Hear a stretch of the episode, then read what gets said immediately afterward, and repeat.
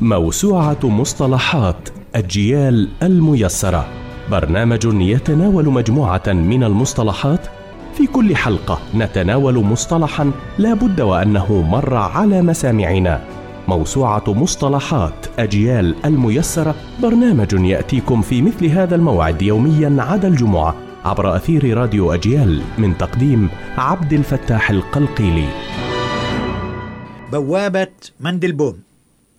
أنشئت بوابة مندلبوم بعيد توقف إطلاق النار بين الجيش الأردني والقوات الإسرائيلية في 30 11 1948 حيث جرى تعيين خط تقسيم المدينة المقدسة إلى قسم شرقي تحت السيطرة الأردنية يشكل 11% من مساحة المدينة وقسم غربي تحت السيطرة الإسرائيلية ويشكل 84% من مساحة المدينة. وما تبقى وهو 5% اعتبرت مناطق حرام تحت سيطرة الأمم المتحدة والتي أطلق عليها باللغة الإنجليزية no man's land وقد أطلق اسم مندلبوم على البوابة وفاء إسرائيليا لأملاك تاجر يهودي تهدمت عقاراته وبيته في المنطقة إبان الحرب. وقد أصبحت بوابة مندلبوم حينها رمزا للمدينة المقدسة إلى شطرين عربي وآخر يهودي. قسم قديم وآخر حديث. وترسخ هذا الوضع عبر خط فاصل من الأسيجة والأسلاك الشائكة يضمن السماح بمرور قوافل المؤن الإسرائيلية بشكل أسبوعي إلى جبل سكوبس حيث تقع الجامعة العبرية ومستشفى هداسة بسموه هداسة الشمال وذلك عبر البوابة. وقد أقيمت عند الممر محطة مراقبة وتفتيش ونقطة جمارك. وأصبحت هذه البوابة بمثابة نقطة مرور كانت تفتح أمام الدبلوماسيين وموظفي الأمم المتحدة والحجاج المسيحيين والصحافيين الغربيين. وبعد ذلك سمح للفلسطينيين داخل الخط الأخضر وبالتحديد المسيحيين بزيارة الأماكن المقدسة في القدس وبيت لحم خلال فترة أعياد الميلاد ورأس السنة الميلادية.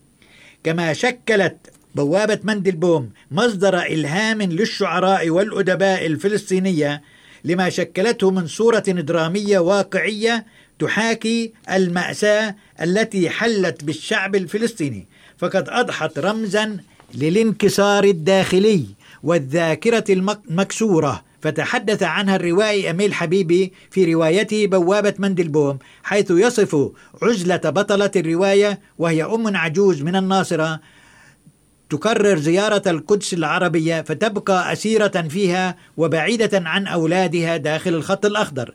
أما غسان كنفاني في روايته عائد إلى حيفا فقد عبر عن خيبة أمل البطل سعيد الذي كان يأمل أن يجتازها العرب محررين وإذا بالإسرائيليين يعبرونها محتلين ويدخلها سعيد أعزلا وذليلا مع زوجته صفية كما شكلت هذه البوابة وحيا للأدباء الغربيين وكتاب السينما. ونذكر رواية أدبية تحمل اسم البوابة للكاتبة الأمريكية ميريل سبارك.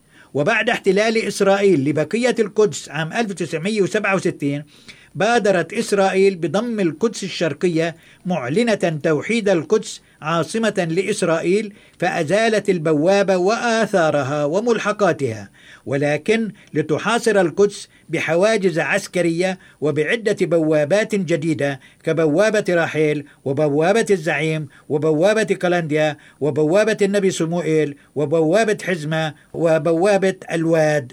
وبهذا تكون بوابة مندلبوم قد فرخت عشرات البوابات.